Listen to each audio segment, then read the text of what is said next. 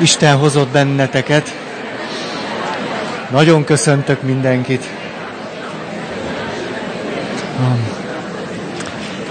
Arról beszélünk, és azt töprengjük meg, érezzük át, hogy mit is jelent valamiképpen egy olyan úton járni, amiben előbb-utóbb legalább valamennyire alkalmassá tudunk válni arra, hogy mi magunk is családot alapítsunk, vagy családban éljünk, hogy férj és feleségként, apaként és anyaként eh, tudjunk létezni, de hogy ennek is egy nagyon sajátos előtörténete és útja van bennünk is, és nyilvánvaló a szüleinkkel, a családunkkal való kapcsolatunkban is. És így, hogy valahogy a témát meg tudjuk ragadni, kezdtük el ezt a 12 pontot, és a 12 ponton keresztül a fölismeréseinket kimondani, vagyis, hogy valamiképpen bejárunk egy sajátos utat, először az apához, anyához, akkor az anyánál, az anyától el, az apához, az apánál, az apától el, a testvérhez, ugye éppen itt tartunk, aztán a testvérnél, aztán el a testvértől, utána önmagunk felé, önmagunknál elidőzünk egy kicsit, és aztán képesek vagyunk magunktól is eltávolodni. És hogyha ezt a tizenkét lépést nem ilyen módon, de valamiképpen az életnek egy ilyen nagyon sajátos rugalmasságában be tudjuk járni, akkor erre, ennek a következménye, hogy valamennyire alkalmassá válunk arra, hogy az élet bennünk és körülöttünk is tovább tudjon menni. És ami nagyon fontos számunkra, hogy most, mikor ezeket a lélektan számára nyilvánvaló kulcs szereplőket emlegetjük, hogy anya, apa, testvér, önmagam, hogy akkor a fölismeréseink most nem maradjanak meg a lélektan keretein belül tárgyalt mondjuk így igazságoknál, vagy tapasztalati tényeknél, hanem a spirituális mélységig vigyük és értsük meg, hogy mi az, ami bennünk elmélyülhet és meggyőződésé válhat azért, hogy az élet bennünk és körülöttünk tudjon növekedni. Ugye ez a, ez a témánk. És hogy ebben van egy nagyon sajátos vagy feszültség, vagy minden esetre egy, egy harmóniát vágyó feladat is, hogy mit kezdjünk a lélektani munkával, és mit kezdjünk a spirituális munkával. Hogy nem lehetséges-e az, hogy néha azt tapasztaljuk, hogy a lélektani munka akadálya a spirituális fejlődésnek.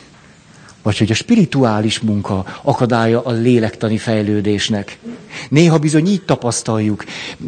Ez azt jelenti, hogy lehetséges olyan lélektani irányzat, vagy olyan lélektani munka, ami annyira egyoldalú, vagy annyira nem mutat túl saját magán is, vagy ott is az érvényességét igyekszik igazolni, ahol már nem ő következik, amelybe, hogyha megyünk, valóban lélektani szempontból fejlődünk és növekszünk, spirituális szempontból pedig elakadunk és fordítva is lehetséges, hogy ne ö, tudnánk és ismerhetnénk olyan vallásgyakorlást, olyan fajta hitélet megélését, amely súlyosan akadályozza a mi pszichés fejlődésünket.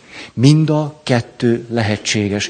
És ö, egy picit ez most elmélet szagú, mondanék nektek egy történetet valódi történet, amiben hallatlan jól megfogalmazódik, hogy itt különböző szintekről és mélységekről van szó. Egy történet meg egy gondolat. Először a gondolatot mondom. Eszembe jutott inkább egy gondolatot, de kitűröm a pólóm, mert melegen van. Ide állítottatok a hőségbe, ti meg ott hűsöltök odalenn. Nagy piszokság. Szóval majdnem mindig fölmerül, tíz parancsolatot betartani igyekvő emberek világában az, hogyha megengedem azt, hogy haragudjak az apámra vagy az anyámra, ez nem jelenti-e azt, hogy tiszteletlen leszek velük szemben.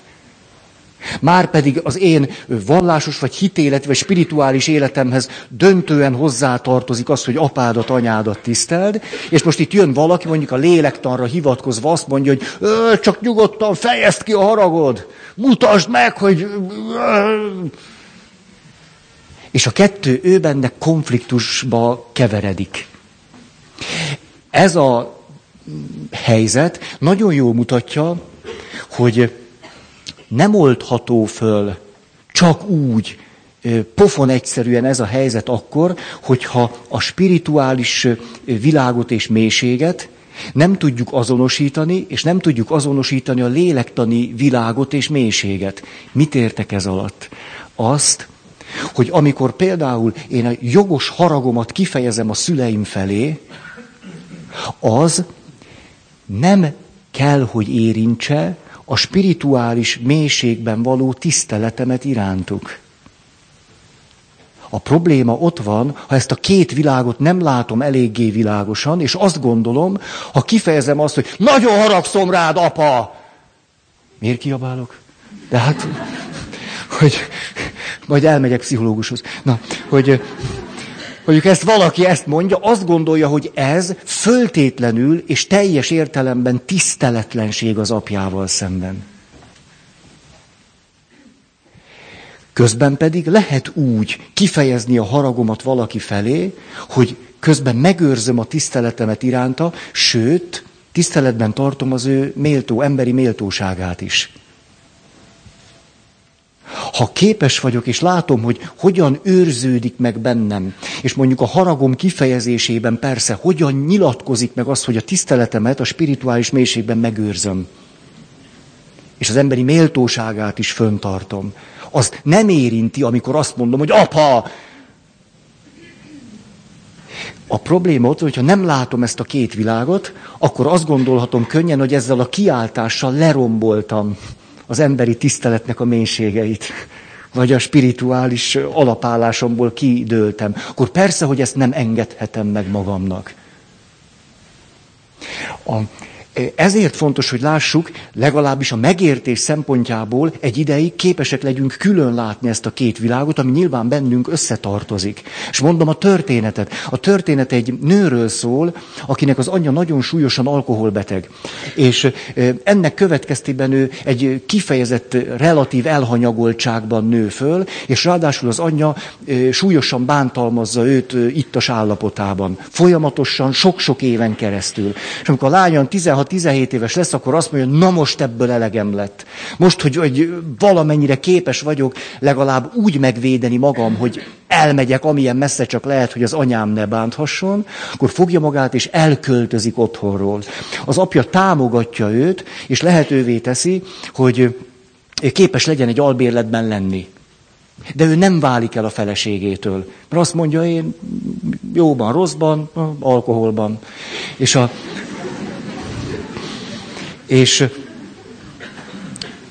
akárhányszor sok éven keresztül nem is találkozik az anyjával, nem hajlandó vele találkozni. Szóval én oda nem megyek újabb pofonér, meg sérelemért, nem és nem. És időnként, néhány évenként van egy-egy kísérlete, és az anyja újból és újból nem, hogy nem ismeri el, hogy mit követett el a lányával szemben, hanem még belerúg. Ezért aztán a lány azt mondja, én nem. Azonban belekezd egy önismereti munkába. Vesztére.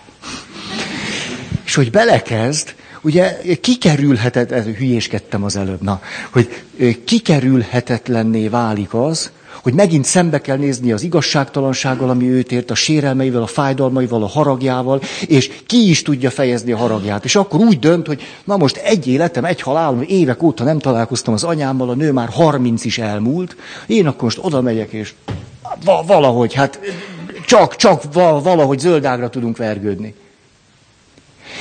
És találkoznak, és elkezdődik a beszélgetés, és a lányban ott van lányban, a nő már akkor, ott van egészségetekre. Ó, jaj, te voltál, szia. Na és elmélyül benne egy vágy, hogy hát ez, ez az én, én, én lelki egészségem, lelki épségem, hogy tovább tudjak, hogy ez nagyon fontos nekem. És mi történik? Az anyja rágyújt a régi nótára. És ugyanúgy szídja, szidalmazza, mint régen. És a, a nő, aki ezzel a hihetetlen érthető vágyjal, hogy valahogy el kell rendeznem az anyámmal való kapcsolatot, hát túl valahogy, ezen át kell valahogy verekednem magam, mert élni akarok, nem is akárhogy. Egy ilyen, most így mondom, hogy ki kell magából, és egy, egy ilyen teljesen ösztönös módon elkezdi ütni, vágni, csépel a kezével, és üti, vágja a saját anyját. Így ököllel üti, vágja, hogy elborul, elborul teljesen. És mi történik? Üti, vágja, üti, vágja, valóban magából kikelve, talán ez egy jó kifejezés, és mindezt addig teszi, ameddig egyszer csak meg nem látja, hogy az anyja szemében olyan félelem tükröződik, amit úgy ismer föl, hogy én félhettem pont így, én féltem pont így az anyámtól annak idején. És látja az anyja szemében azt a félelmet, amit ő átélt, és ami miatt most éppen üti, vágja a saját anyját. És akkor meglátja az anyja szemében a félelmet, ahogyan ő félt tőle, egyszer csak abba hagyja. Hát ahogy jött, úgy abba hagyja. De nem tud mit mondani, és fogja, és elmegy tőle. És ez az a pont, amikor eljött hozzám, hogy beszélgessünk. És azt mondja, Feri, én azt gondolom, beszéltem a pszichológussal, ő nagyon megdicsért engem, hogy, hogy ez, ez már igen, ez, végre valami kijött, kitört, stb. És azt mondja, hogy, hogy tulajdonképpen én magam is ezt így érzem. Hogy jó, jó, hogy ez, ez végre, hogy végre nem, nem megint szerencsétlen voltam, tehetetlen és kiszolgáltatott, nem megint egy megalázott, nyomorult, akivel megint meg lehet, és egy egész életen keresztül mindig meg lehet, hogy végre nem ez voltam, végre, végre valami elő tudott belőlem jönni. Hogy én is így gondolom, hogy, hogy igen, ez jó, hogy előjött. De van egy rossz érzésem, és tulajdonképpen akár mennyire is tudom, hogy ez így, ez így, ez így bizonyos szempontból rendben volt, a más szempontból meg nem volt rendben. És nem értem, hogy ez mi. De egyszerűen val, valami e, engem piszkál, és nem hagy nyugtot. És hogy elkezdtünk beszélgetni, hova jutottunk? Hát a spiritualitás világába. Hogy végül is az embernek van egy, hát elnézést a szép magyar kifejezésekért, egy ontológiai, egzisztenciális alapállása. Egy ontológiai, egzisztenciális determináltságunk.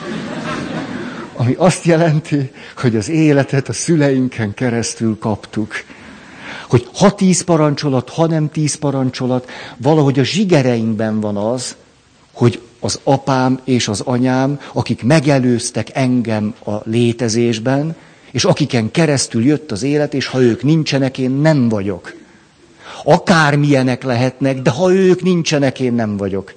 Ha semmit sem köszönök nekik, hanem éppen, éppen semmit sem köszönök nekik, egy valamit akkor is kaptam tőlük, ez pedig hogy vagyok. Hát az életemet mindenképp tőlük kaptam, és én éppen élni akarok. Tehát ez azt jelenti, hogy akár mennyire is gyűlölök, bosszúvágy, indulat, sérelem, fájdalom, akármi, de ha én élni akarok, ez azt jelenti, hogy kaptam rajtuk keresztül valamit, amit értéknek tartok. Mert hiszen élni akarok. Most éppen még most is élni akarok, ezért püfölöm az anyámat. Mert jobban akarok élni már minőségileg, mint eddig. Ezt neveznénk egy ilyen ontológiai, egzisztenciális, spirituális dimenziónak. És ő ezt fölismeri.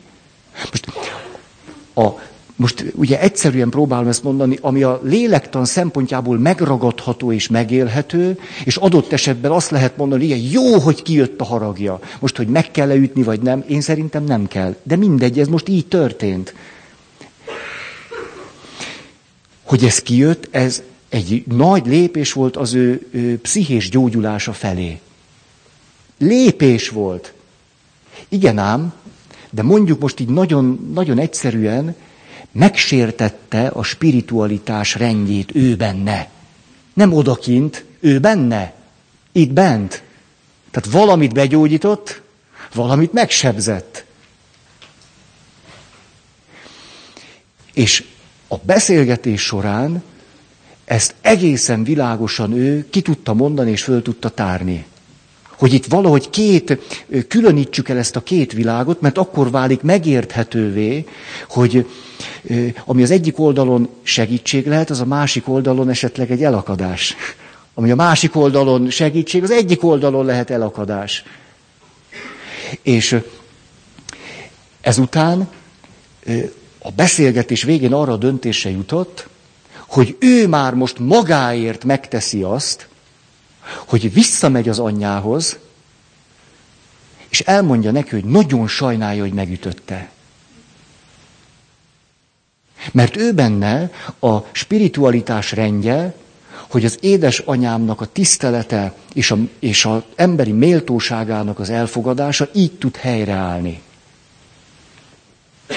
És ott egy nagyon érdekes dolog történt, mert el is ment hozzá, becsöngetett, és elmondta azt a két mondatot, kicsit úgy tudjátok, mint a tékozló lány, hogy már nem vagyok méltó, hogy elmondta, bocsáss meg anyám, hogy kezet emeltem rád.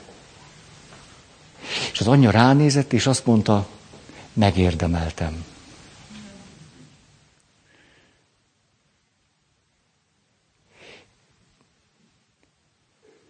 Na most, talán ezzel a történettel valahogy tudtam érzékeltetni, hogy itt, itt két olyan világról van szó, amit érdemes néha külön is látni, és látni azt, hogy van egy spirituális dimenzió, ami, ami mélyebben van. Ezt ne, nem tudom, hát valahogy ilyen az életrendje, most nem tudom, miért van az mélyebben, de úgy tűnik, hogy mélyebben van. Mint ez a, amit klasszikusan a pszichológiai, pszichológiai dimenziónak hív. És ezért olyan nagyon nehéz, hogyha ha mondjuk egy olyan lélektani úton jár valaki, amely sérti a spirituális dimenziót, és nem enged ott fejlődni. Vagy azért, mert, mert kifejezetten sérti, és olyan, olyan lehetőségeket kínál, vagy mond. Azt mondja például, hogy, hogy akkor tudod kibontakoztatni magad, az önmegvalósítás non plus ultrája, ha mindig megéled az aktuális vágyaidat, vagy szükségleteidet. Hát ez előbb-utóbb bűnökhöz fog vezetni. Ami pedig beletorkolik a spiritualitásnak a sebződésébe. Az kikerülhetetlenül így lesz. De viszont is egy olyan fajta vallásosság, vagy egyházi magatartás, amiben súlyosan akadályozzuk különböző ideológikus szempontok alapján, hogy valaki lelkileg gyógyulhasson. Például azt mondjuk, hogy a harag bűn ha elmélyítek valakiben egy ilyen meggyőződést az ő vallásos világához kötve, hogy a rossz ember haragszik, és haragudni bűn, az illetőt súlyosan ö, ö, akadályozom abban, hogy egészséges személyiség legyen. De a kettőnek, tehát a spiritualitás világának, meg a lélektan világának a gyakorlati életben van közös metszete, a létezés rendjében meg van egy sajátos hierarchiája. Ha ezt így, e, így érthető. Nincs kedvem ezt kifejteni. elég. Most már minden fánál megállunk, sose jutunk előre. Ugye, amikor sétáltatjátok a kutyát, szoktatok dühösek lenni? Új, már most mind, már hány, hányszor áll meg? Nem, ilyen nem. Akkor ti jó gazdik vagytok akkor ez rólam szól. Nekem nincs kutyám, de volt. Anyukámnak. És néha azt mondta, Ferikén, vidd már le. Utáltam a fákat. Na, ez akart akkor a bevezető lenni, hogy miért tartom olyan fontosnak, hogy most tulajdonképpen az eszmélődéseink során mindig a spirituális mélységig jutunk, és most a lélektani fölismerésekkel, dolgokkal nem foglalkozunk. Mert hogy általában azzal szoktunk, de most azzal nem foglalkozunk. És így volt a hetes pont, a testvér felé vezető út. És ott beszéltünk erről, hogy az életet érdemes megosztani, érdemes kapcsolatban lenni. Ezzel fejeztük be. És akkor jön a nyolcas, amikor megérkezünk a testvérhez. Ugye a testvér nem csak a testvéreket jelenti, legalábbis az én elgondolásomban, hanem az összes többi számomra fontos családtagot. De most így egybe vesszük, és így nevezném őket meg, hogy a testvér. Mit jelent a testvérhez elérve ott rekedni és elakadni? A, például ismertem olyan testvéreket, akik hihetetlen finom érzékkel figyelték azt, hogy az egyiküknek megye előre az élete, vagy nem. És az egyikük élete, élete elakadt, akkor a másiké is elakadt mindig. Egyszerűen nem engedte meg magának, hogy ő boldog legyen akkor, amikor a testvére nem az akkor bevonódott a testvére életébe, és addig, addig magának nem engedett más életet, ameddig úgy nem látta, hogy a testvére valahogy eljut oda, hogy más életet tudjon élni. Öm, nem egyszer látunk olyan testvéreket, akik úgy döntenek, hogy végül együtt érik le az életüket. Én magam is nem egy ilyen testvérpárt ismerek. Nem kell, hogy ikrek legyenek, mert az ikrek anélkül, hogy együtt élnének is össze vannak kötve. De olyanok, akik valahogy, valamiért, mondok ilyen történetet, például, ahol a szülők nem tudtak megfelelően gondoskodni a testvérekről, vagyis a gyerekekről, és az egyik gyerek idősebb volt a másiknál. Átvette a szülői szerepet, hogy én nekem kell gondoskodnom a testvéremről, mint egy anyának vagy apának a gyerekéről. És ebből az összefüggésből sosem jön ki. Végig lehet így egy életet élni, hogy azzal a felelősséggel élek, hogy nekem kell gondoskodnom a saját testvéremről. Ennek aztán nyilván nagyon sok verziója van. Például ott tud ez nagyon világossá lenni, amikor mondjuk az egyik testvér alkoholbeteg lesz és a másik hiába van családja, szép lassan elkezdi a pénzt elvinni a családjától a testvéréhez. És próbálja őt például megmenteni. És viszi el a lóvét, vagy viszi el az időt, viszi el az energiát a testvéréhez. Hát itt aztán vannak olyanok, akik annyira kiszolgáltatottnak élték meg a gyerekkorukat, hogy valahogy az a meggyőződésük alakult ki, hogy mi már most csak egymásnak vagyunk. Ezért valamikor gyerekkorban egymásba kapaszkodtak, hogy el ne vigye őket a szél. És az egymásba kapaszkodásból nem tudnak kijönni. Egymás, egymásnak voltak, ölelik egymást, és ebből nem tudnak tovább lépni. Az ikrek az meg egy, külön világ. Én már csak tudom. Az egy, te, ez egy külön szimfónia. Emlékeztek, hogy erről beszéltem néhány éve, elnézést, ugye ez nem illendő egy előadáson. Hogy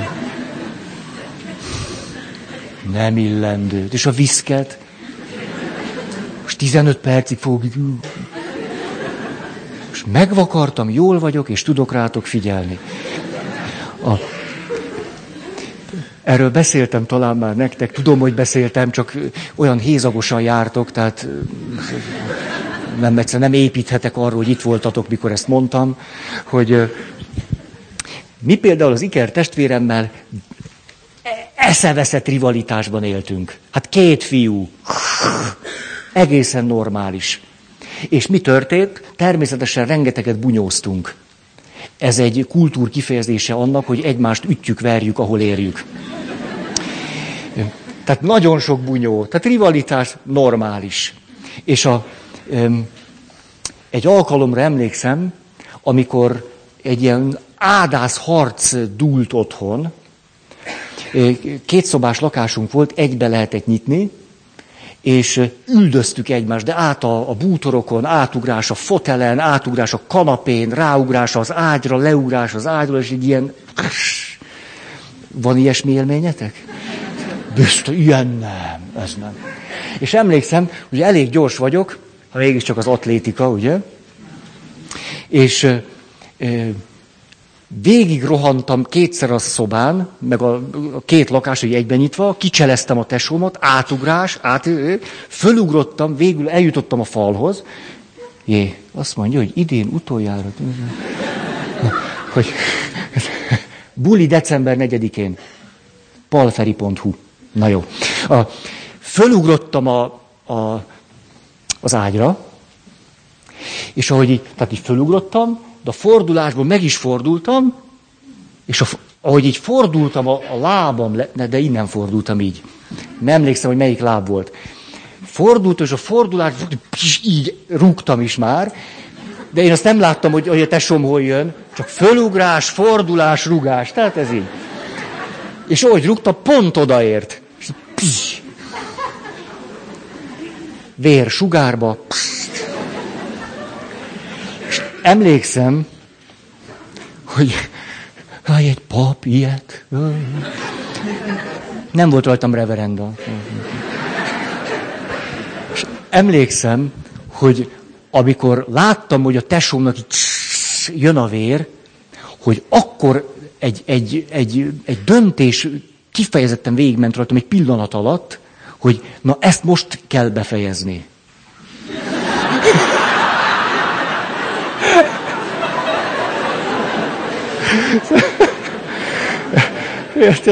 Látjátok, a bölcsesség nem életkor függő. Én egész fiatalon már ilyen mélységekig jutottam. És hogy attól kezdve én ezt befejeztem. Befejeztem. Nem, nem, egyszer nem. Tehát leállított, nem. Igen ám, de mi az, ami tovább ment? A rivalitást ezzel meg lehetett oldani? De hogy lehetett, nem is oldottuk meg. Mi például azt csináltuk, felosztottuk a világot. Így, ahogy mondom. De gondoljátok, hogy ez tudatos volt, hogy én erre ráláttam. Dehogy láttam rá. Hát 30 éves voltam körülbelül, de lehet, hogy 35. Akkor egyszerűen, jé, nézem az én életutamat, a testvérem életútját, hogy, hogy kinek milyen értékek, milyen, nem tudom én, preferenciák. Hát rá, Hát ez egymásnak valahogy egy ilyen sajátos kiegészítése. Mi ketten együtt élünk egy teljes életet. Nem is tudtam róla. Most így azért meg vagyok nyugodva, hogy a tesomnál van a másik fele. És Egyszerűen, nem tudatosan ketté osztottuk a világot. Ha ez érthető így. Ugye ennek a példáját mondtam el, hogy ő például akkor üzletelés, vásárlás, adás, vevés, veszés. Én meg teljesen távol tartottam magam ettől. Én egyáltalán nem vásároltam semmit. Komolyan így volt. Hát jó, hát enni ettem azért, de...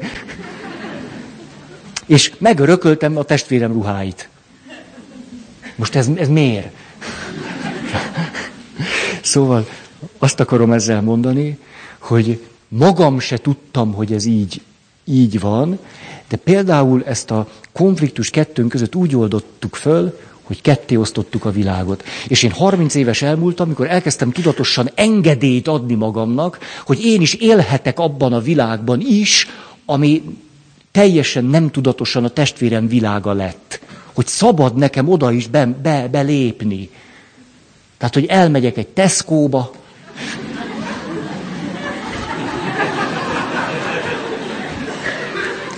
madaras Tesco-ba, és veszek magamnak egy pólót. És tudjátok, hogy Örkény Istvánnak a művébe ilyen, ilyen megrészegedve, hogy vettem magamnak, egy, egy pólót vettem meg. És ha az a vissza, de, de, de, de tényleg így volt. Ezt a pólót tényleg ott vettem. Nagyon jó. És a, rögtön vettem hármat, azt hiszem attól lettem rosszul. Így. Hát ilyet én 13 évvel azelőtt csináltam utoljára, hogy vettem. Hogy egyáltalán... Na, aztán mondok egy másik történetet, ez megint testvérek, két fiú, egypetéjűek teljesen egyformák. Már kívülről. Úgy tűnik. És mi történik? Az egyik fiú megházasodik. A másik azonban nem. És a másik az egész életét úgy éli le, hogy valamiképpen megpróbál a testvéréhez kapcsolódva annak a családjának a tagjává válni. Sosem alkot saját világot. Szóval jó, a testvérem megengedte magának, de akkor én inkább ahhoz kapcsolódom. A feleség teljesen ki, volt ettől készülve. Teljesen. Ebből voltak a családban a legnagyobb balhék, hogy miért kell, hogy a te testvéred minden nap itt legyen. Mert úgy éltek, minden nap, minden nap ment a testvéréhez. És úgy, úgy élte meg, hogy most már egy új családban van, a testvérén keresztül. Az ágyba nem kéreckedett be. A világot azt ő is kérte. Ezek nyilván most olyan látványosabb példák, de ezeken keresztül elég jól megérthető, hogy mi történik akkor, amikor valaki ott reked a saját testvérénél. A, jó, a spirituális belátás, fölismerés és mély tapasztalat, amiből meggyőződés születhet, kaptam egy részt az életből, amiért én vagyok felelős. Egyedi és rendkívüli vagyok. Van egy rész, amit én kaptam az életből. Egyedi és rendkívüli vagyok.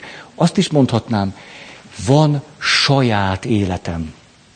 Van olyan, hogy saját élet. Hogy ez mit jelent, ezt ne firtassuk.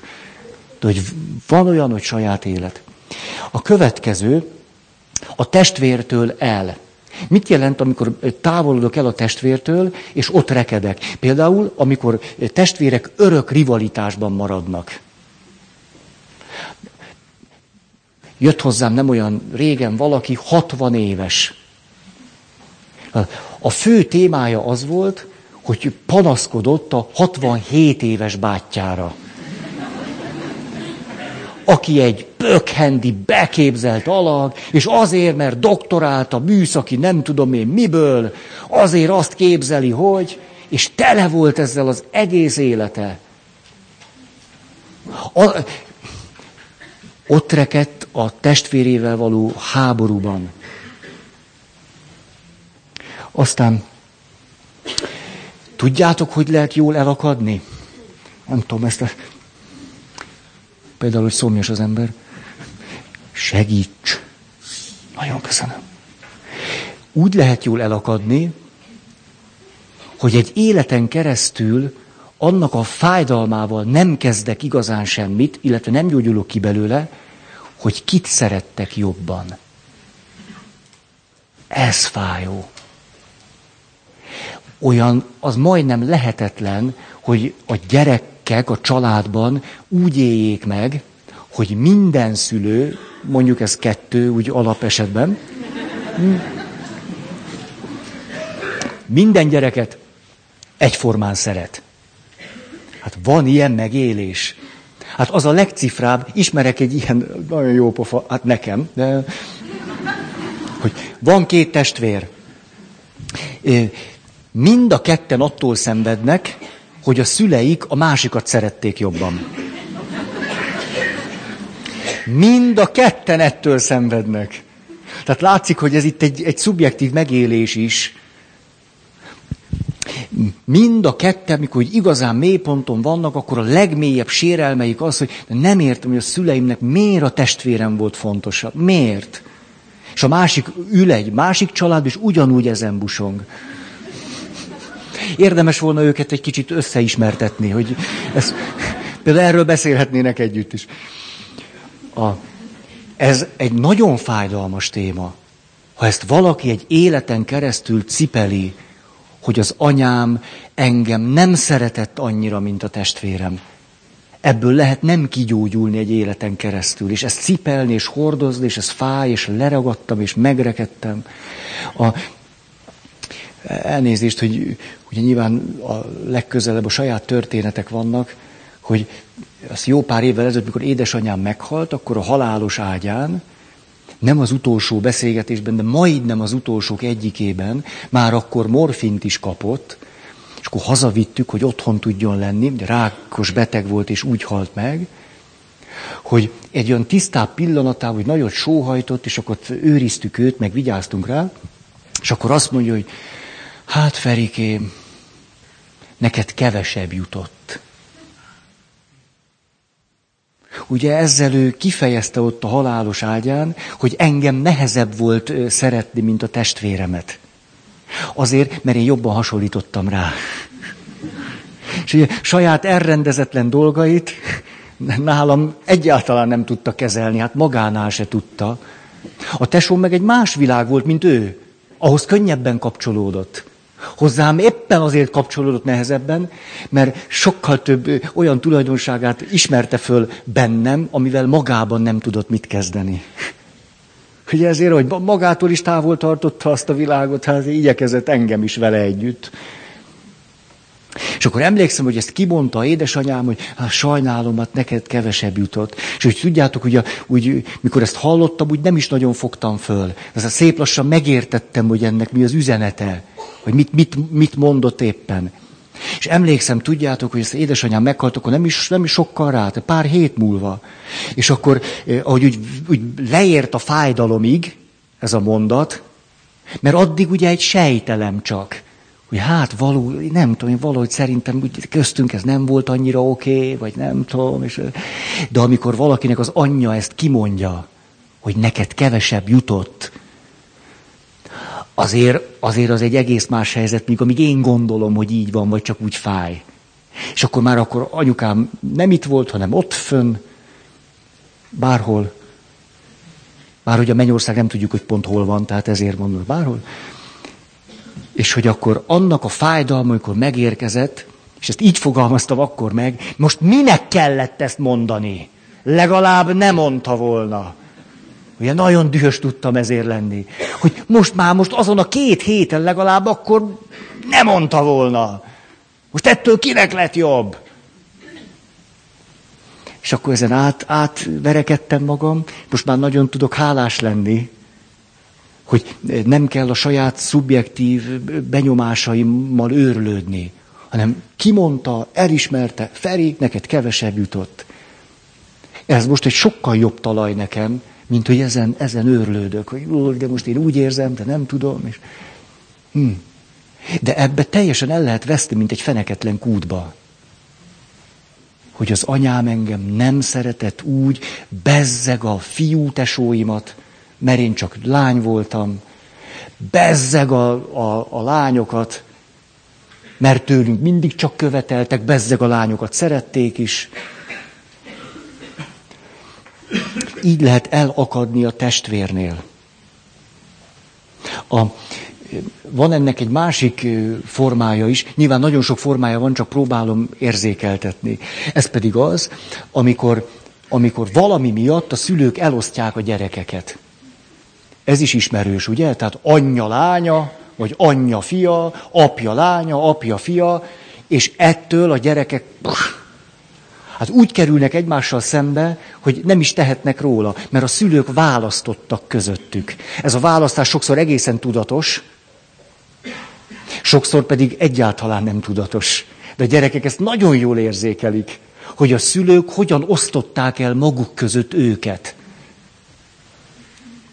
Ebbe egészen meg lehet rekedni. Hogy valaki egy életen keresztül ö, azt az életet és azt a világot próbálja vinni, amire az apja azt mondta, hogy hát ez igen. És sose merészkedjen abba az irányba, amire az anyja mondta a testvérének, hogy hát ez igen. Ö, ide tartozik az, hú, ez egy nagyon, ez egy nagyon árnyalt téma a családban szerepek alakulnak ki. És nem úgy van az, hogy mindenki minden szerepet örömmel váltogat és betölt, és néha ebben vagyok, néha abban, de jó lenne, ha így lenne. De a családban sokszor a szerepek nagyon mereven osztódnak ki. Sose felejtem azt a családot, e, őről sokat beszéltem. Négy gyerek. Az egyik volt a szép. Ezt, ezt, ezt, a, már jól vagy? De tényleg lehet, hogy valaki nincs jó. Na, a szép, másik volt az okos, harmadik az ügyes. Ugye az ügyes az, az zenélt és sportolt, az okos tanult és vitte sokra, vagy nem tudom, tanult, maradjunk így, tanult, tanult. És a, a, a szép meg szép volt, ugye az neki bőven. Őt meg ugye csodálták. Igen ám, de volt egy negyedik. És egy kisgyerek korában úgy néz, tehát okos már van. Ügyes is van. A szép az van, azt már látom. Hát akkor valószínűleg én vagyok a kis hülye. És így élte le az életét a családban. Hogy ő valamikor a, a, arra jutott, hogy, hogy, hogy én már okos nem lehetek, mert az a Panni, ügyes nem lehetek, mert az a Zoli, szép nem lehetek, mert az a Brünnhilda. Hát akkor valószínű ez, ez maradt nekem. Mint nyáron a, nem tudom én, őrzés, vagy ilyesmi. Na jó.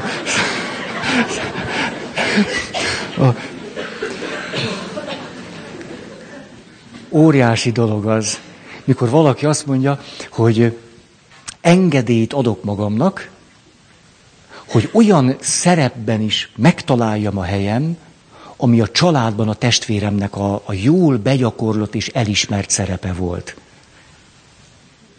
Óriási lépés. Na, én is megtalálom a magam szépségét. Hát még ha nehéz is. Ha hogy miben vagyok én okos? Hol tudok én ügyes lenni? És lehet, sose leszek olyan ügyes, mint a Tomi. És sose leszek olyan szép, mint a Brünnhilda. Há, akkor is szép lehetek. Hát itt most, én nem is tudom, itt teljesen le fogok ragadni ennél a pontnál. De itt menjünk, turkáljunk egy kicsit mélyebbre. Nem csak ezeket a klasszikus szerepeket szoktuk valahogy betölteni a családban, hogy szép, meg okos, meg ügyes, meg rátermet, meg nem tudom, ő a kreatív, ő a, na, hanem ő a megértő, hanem vannak olyan szerepek, amik kifejezetten a, a családból, mint élő rendszerből fakadnak. Mert valaki lehet szép úgy is, hogy nem, nem, nem egy élő rendszer tagjaként szép, egyszerűen csak jól néz ki. Okos is lehet úgy valaki. Na de vannak olyan szerepek, amelyek éppen a családból, mint egy élő, árnyalt, dinamikus rendszerből fakadnak. Mondok ilyet. Például, aki vezekel a család bűneiért. Nem egy, nem kettő, nem három, nem négy, sok ilyen sorsot ismerek. Nem egyszer ezek a szerepek, nevezzük most az egyszerűség kedvéért így, egészen nem tudatos módon kerülnek valakihez. Valamiért látja az illető azt, hogy ebben a családban bizony egy csomó dolog úgy ment, ahogy, ahogy az az ő belső erkölcsi érzékével nem egyeztethető össze. Ezért azt mondja, akkor én most nekiállok, és levezeklem a család bűneit. És az illető ebből a tudattalan és mély motivációból elmegy papnak.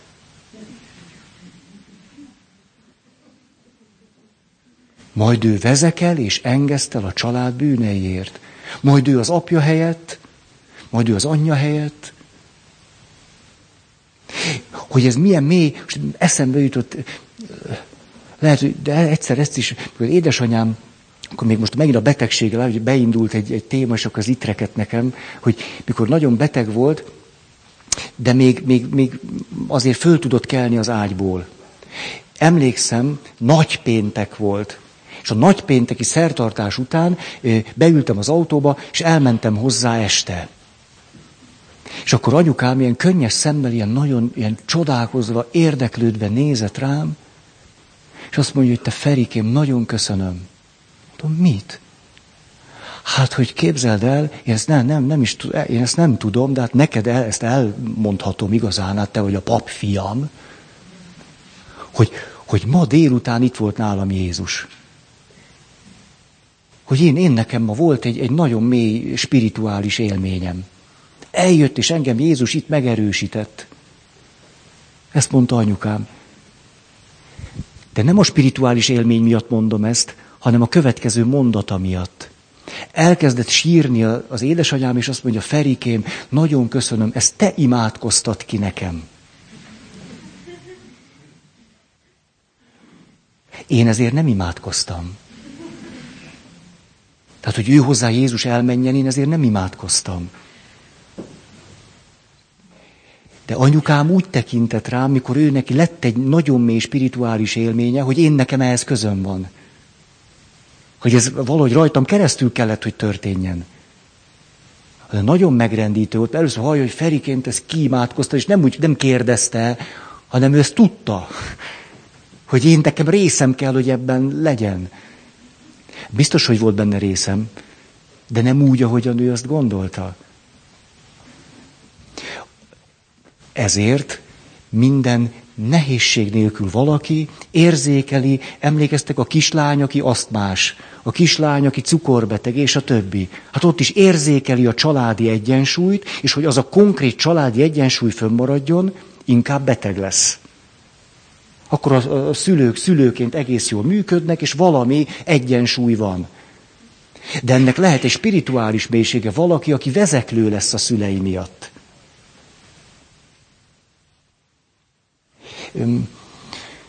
Na jó. Egy papnál például, hogyha a, vagy egy ö, apácánál, ha a hivatás történetében ilyesmi van, ez nem gond, ezzel semmi probléma nincs. Mert egy hivatás történetben aztán van minden, mint a tökös mákos rétesben. Abban aztán mindenféle van. Szép, meg nem szép, meg fekete, meg fehér. Ez is lehet benne. Csak a kérdés az, hogy az illető fölismerje azt, hogy ő valójában az egyik fő nem tudatos motivuma által egy vezeklő. Mert ha ő benne ez nem tudatosul, könnyen másokat is erre az irányra ösztönöz majd. Miközben ez az ő útja. Azzal megbékélhet, vagy elfogadhatja, vagy minden, akármit csinálhat vele, szabad benne, de egy másik embert nem biztos, hogy vezeklővé kell tenni. Azért, mert ő, ő neki ez lett az útja. Mondanék még ilyet. Megint csak a családból, mint egy árnyalt élő rendszerből jön az is, amikor valaki állandóan abba a szerepbe kerül, hogy kiegyensúlyozza a családi történéseket. Ismeritek, vannak ilyen, ilyen sokszor anyák szoktak ilyenek lenni, aki mint egy igazi tyúkanyó, a szeme, a tekintet, a figyelme mindig az egész családon. És ha valami van, ő mindig ő közvetítőnál, befutnak az infók, ő továbbadja az infókat, ő meghív, ő kavar, ajándékot vesz, SMS-ezik, ír, e-mailezik, levelezik, beszél, tanácsot ad. És az egész élete abban telik, hogy a családnak valahogy az egyensúlyát biztosítsa. De óriási kérdés, amikor, hogy a, az ő általa választott család is belefér, vagy az már bele se fér. Mert olyan is van, hogy az nem is fér bele. Megházasodik, de az eredeti család egyensúlyáért tesz folyton folyvást. Az még jobb, hogyha ha beveszi a saját családját is. Az egy jobbik eset. Ez a szerep, hogy kiegyensúlyozni egy családi dinamikát, ez nem érthető meg e, e, egy valakinek a saját élettörténetéből. Ez csak a családi összefüggésrendszerből érthető meg. Most itt könnyű elakadni. Hát e, muszáj-e, hogy valaki magára vegye egy egész család kiegyensúlyozásának a felelősségét? Ez muszáj? Muszáj, hogy legyen valaki, akinek ezt kelljen csinálni? Én szerintem nem muszáj, és nem kell valakinek ezt csinálni. De ő mégis úgy érzi, hogy ez az ő föladata. És nagyon, eh, mondjuk, ha az illető idegösszerroppanást kap, hát sokszor olyan szertágazóvá válik egy nagy családnak a történet, hogy nem lehet tovább kiegyensúlyozni. Hát ugye, amikor valaki olyasmire is hatást akar gyakorolni, ami messze túlni az ő hatáskörén, abba bele szoktunk betegedni. Lehet, hogy az illető azt mondja, belebetegszem, hogy a sógorom így. Tönkre vagyok, menve a nagybátyám miatt. Ezt mondja, valójában nem ettől van tönkre, hanem hogy olyasmiben is szeretne hatást gyakorolni, ami felé a hatásköre már nem nyúlik ki. Ezért tönkre megy bele. Hm. Mondjak még ilyeneket?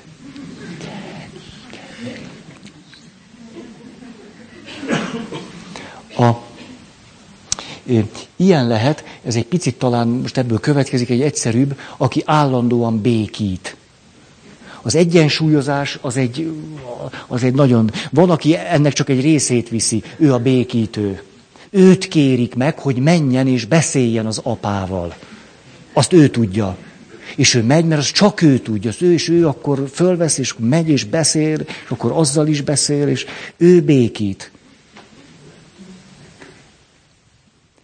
Aztán, na hát igen, a megmentő. Főleg, ahol valami szenvedélybeteg családtag volt, ott mindig van egy meghívás megmentőnek lenni. Hogy valahogy megmenteni valakit. És amikor valaki belép a megmentő szerepébe, az megint csak egy, egy, egy család árnyalt rendszeréből érthető, és sokszor a megmentő szerep a helyzetet súlyosbítja.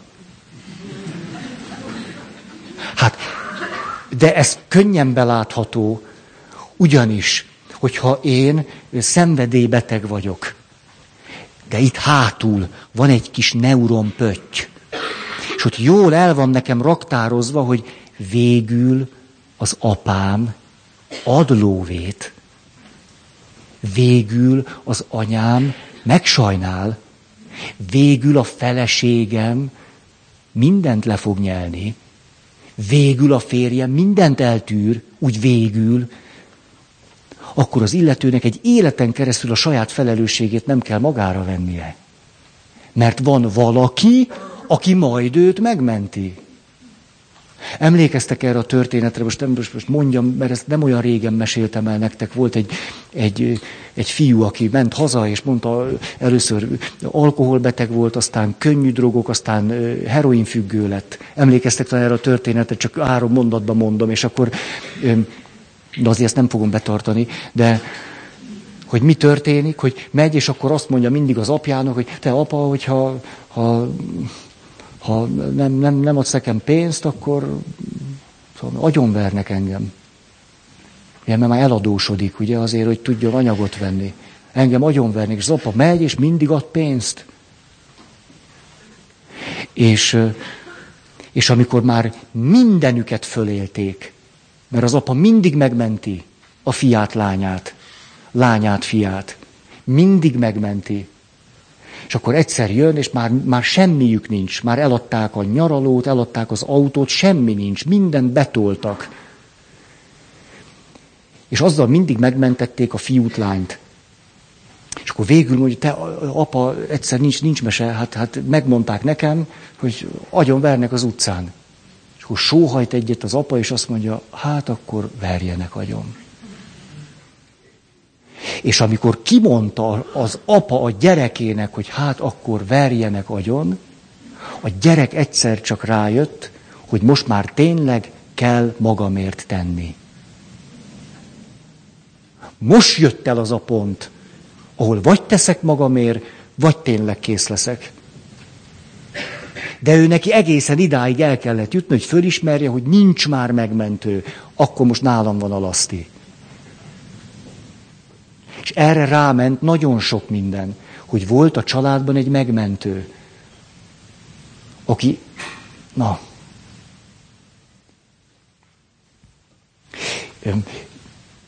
nagyon nagy dolog, ha, ha, ha tudunk másokért tenni, néha ez olyasmi is, hogy megmentünk valakit, de egy megmentő szerepbe rá ragadni, rekedni, az egy teljesen más műfaj. Egészségedre. A, na igen, a, az, talán a leg, ez egy nagyon érdekes, olyan is van, hogy egy család egy nagyon határozott irányt fölvesz.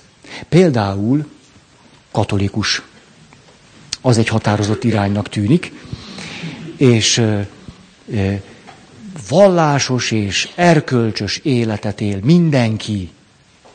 És ez nagyon nyilvánvaló, és nagyon így nevelnek mindenkit, és ezt nagyon hangsúlyozzák is, és ebben jól benne vannak. Mi történik gyakran egy ilyen családban? Egyszer csak valahogy támad egy fekete bárány. Nem gyanús, hogy egy ilyen családban mindig van fekete bárány? Hogy születnek a fekete bárányok egy fehér családban? Ez bizony az evolúció egy nagy titka. Hogy fehér családokból fekete bárányok bégetnek elé. A dinamikája az, ahogyan ezt nem egyszer látjuk, hogy minden családtagnak van egy fehér oldala, meg egy sötét. De a sötétet mindenki valahova eldugdossa. Vagy nem mondják, vagy elfolytják, vagy titokba élik meg, vagy mit tudom, mit csak vágyakoznak és szenvednek, hogy az mindegy. A lényeg, hogy nincsen a családban benne, hogy mi van a rosszal, mi van, tik-tik-tik-tik-tik. Mindig csak a jó, a szép, az erkölcs, a... Mi történik?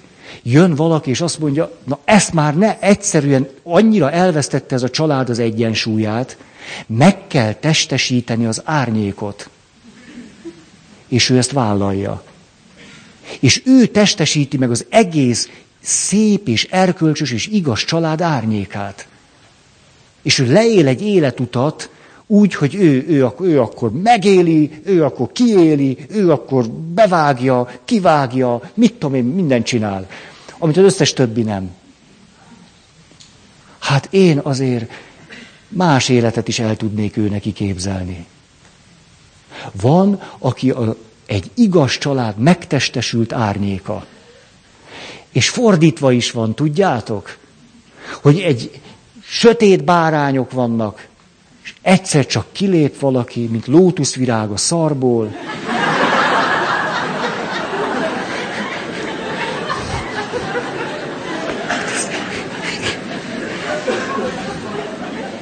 És gyönyörűen pompázik.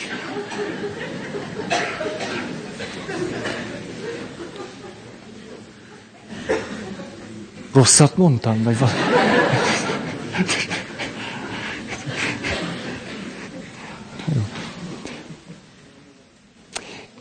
Mondom akkor a spirituális mélységet ezek után, hogy az egyensúlyt helyreállítsuk. Van, hát ez csak azért, hogy a Mária rádióból lehessen mit kivágni.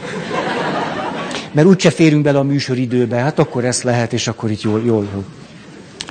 Azt mondja, van annyi szabadságom, amennyi az élethez kell.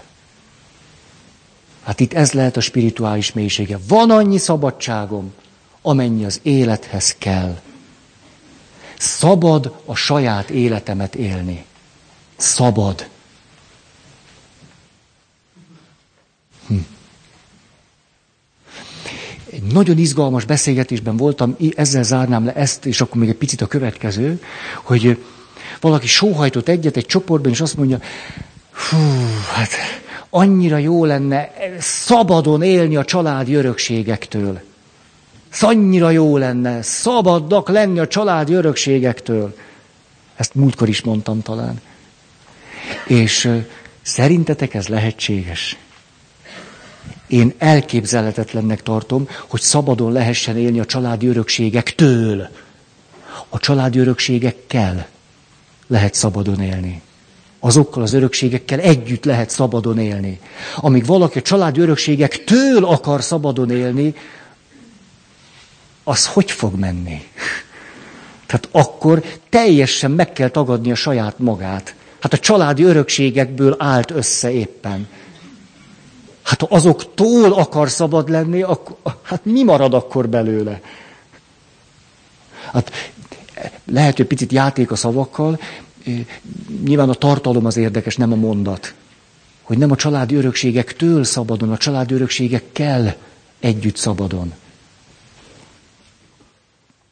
És így teszek akkor egy nagyon izgalmas lépést önmagam felé. De utolsó három pont, önmagam felé. Mit jelent az, hogy valaki eh, elakad az önmaga felé vezető úton? Azt jelenti, hogy soha valamiféle elégséges önreflexióra, belső világosságra vagy tudatosságra nem jut. Amikor valaki teljes tehetetlenségben éli végig az életét, mint egy olyan nyomorult lény, aki sosem képes zsiráf módjára kicsit rá is látni a saját élettörténetére. Mindig csak beleragadva lenni, soha egy picit kívülről látni, soha más szemével nézni, arról nem is, Isten szemével. Az egy gyönyörű dolog, mikor Isten szemén keresztül meglátom magam. Az cup-cup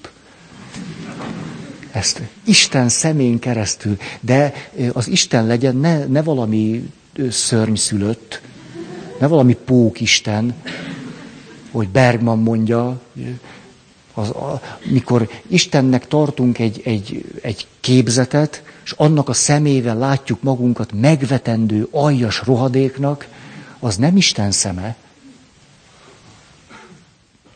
Na, tehát sohasem tudatosságra, önreflexióra, világosságra jutni. Egy életen keresztül beleragadni a mamizmusba, meg a papizmusba. Mamizmus, papizmus. Anyám elrontotta az életem. És akkor ezt így végig tolni.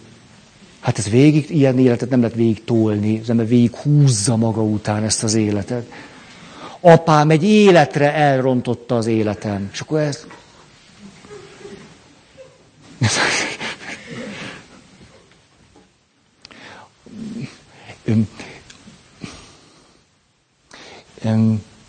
sebzetten is lehet teljes életet élni. Ugye ez a spirituális válaszunk erre. Hát amikor valaki rájön, hogy sebzetten is lehet teljes életet élni, nem gyógyul be minden seb, és rájössz, hogy nincs is rá szükség. Vagy hogy hegekkel is nagyon szépen lehet élni. És ráadásul azok a sebeink, amelyek begyógyultak pláne, de legalábbis a sebeink, amelyeket karban tudunk tartani, átkötjük, ha nagyon nedvedzik. Tudunk magunk tenni, át tudjuk kötni, kicsit leápoljuk, átkötjük. Vagy begyógyul, vagy nem. Megteszünk érte mindent, néha nem gyógyul be. Egy ápolás alatt lévő sebbel is lehet élni. Ezért, hogyha valaki az egész életét arra teszi föl, hogy addig nem élet az élet, ameddig teljesen nem leszek egészséges. Hát, egészségedre. Most ez fizikailag is lehetetlen, lelkileg is.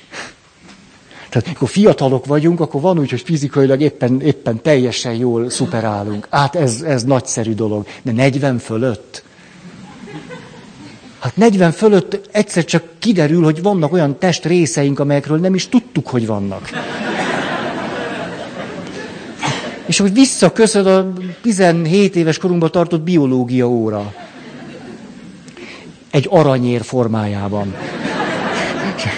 Hát a többiekről nem is beszélek. Tehát, hát, szóval ahogy egészen abszurd, most képzeljünk el egy embert, aki 40 éves, és azt mondja, az a baj, hogy el tudunk ilyen embert képzelni. Tehát ezt nem, nem, is, nem, ezt nem kívánom tőletek. Tehát ne, hogy, hogy azt mondja, hogy ak- akkor lehet teljes, boldog emberként ember életet élni, ha fizikailag minden, minden szép.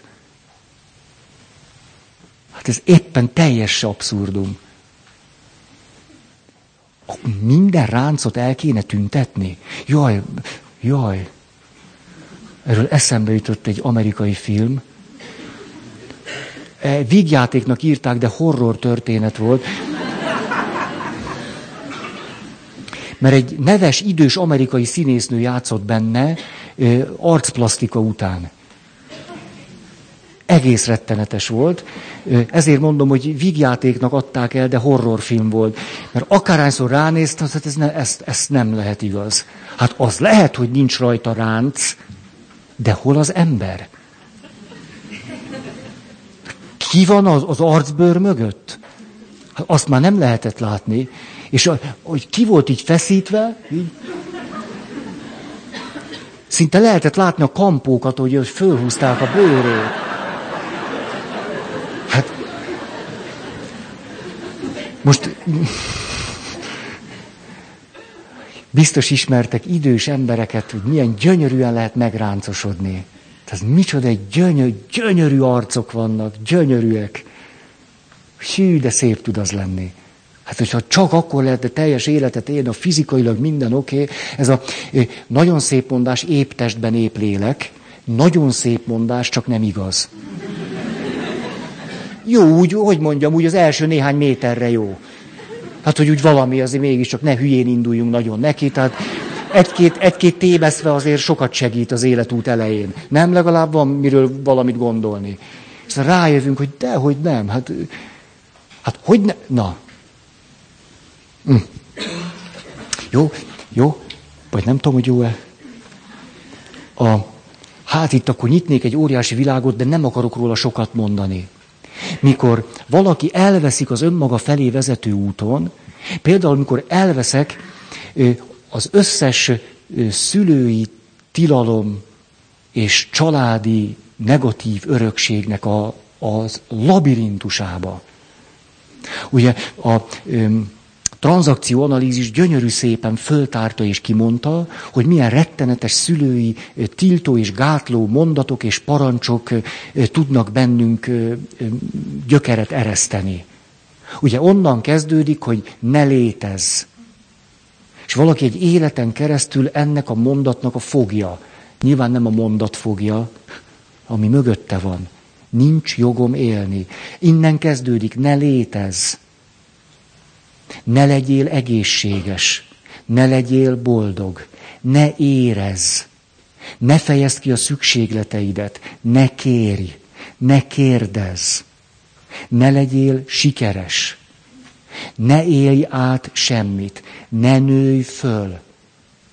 Ezek rettenetes szülői tiltó mondatok, gátló, életet gátló parancsok. Nem volt szükséges, hogy ezeket a szüleink konkrétan ki is mondják, ezeket mi észrevettük, meghallottuk, és ezeknek a súlya alatt élünk. Akik most itt ültök, nincs köztünk egyetlen egy se, akinek két-három ilyen komoly mondata ne lenne. Nem lehetett úgy fölnőni. Úgy nem lehet fölnőni. Egyszer csináltam egy, egy, egy napos alkalmat, ezekkel a mondatokkal dolgoztunk, és döbbenetes volt, úgy csináltuk, például volt egy pont, mindenki elment egyedül, dolgozott, páros, stb. Szóval meg volt csinálva, és akkor vettünk egy nagy, nagy papírt, fölírtam ezeket a legklasszikusabb szülői gátló parancsokat, tiltó mondatokat, és akkor ilyen nagy tisztelettel ültünk körbe, egymás életútja iránt, és mindenki a két számára legsúlyosabbat beixelte. Meg egy döbbenetes hatása volt, hogy ülünk körbe, és hogy egymás után fölállt mindenki, akit ismertünk, vagy nem ismertünk, vagy olyan egészségesnek tűnt, vagy normálisnak, egészségesnek és boldognak, és oda ment, és ne létezz. Ne érez. És akkor vissza föláll egy másik valaki, ő is oda megy, látszólag minden rendben van, csak éppen oda megy a táblához, és ne nőj föl. Ne hibázz. Az egyik, ebben a csoportban az egyik sláger mondat ez volt egyébként, hogy ne hibázz. Tilos hibázni.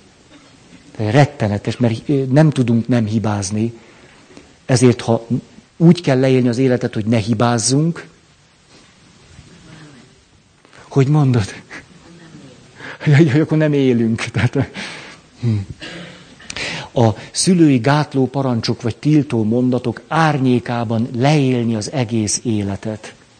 Ez azt jelenti, hogy elakadtam az önmagam felé vezető úton. Belevesztem abba a barlangba, abba a labirintusba, ahol mindenhonnan ilyen mondatok köszöntek rám. Persze, lehet, hogy hosszú belső munkára van szükség, hogy ezekkel valamit tudjak kezdeni, hogy szabaddá tudjak lenni a tiltó, gátló mondatoktól, és egy, és egy relatív belső szabadsággal tudjak élni. De ez nem lehetetlen. Hát már hogy volna az? Ha! Igen. Mondom akkor itt a mondatot. Fontos vagyok, számítok, az életemnek van értelme. Ez lenne a spiritualitásnak a mélysége. Fontos vagyok, számítok, az életemnek van értelme. Akkor is, ha sebzett vagyok, akkor is, ha, ha, ha.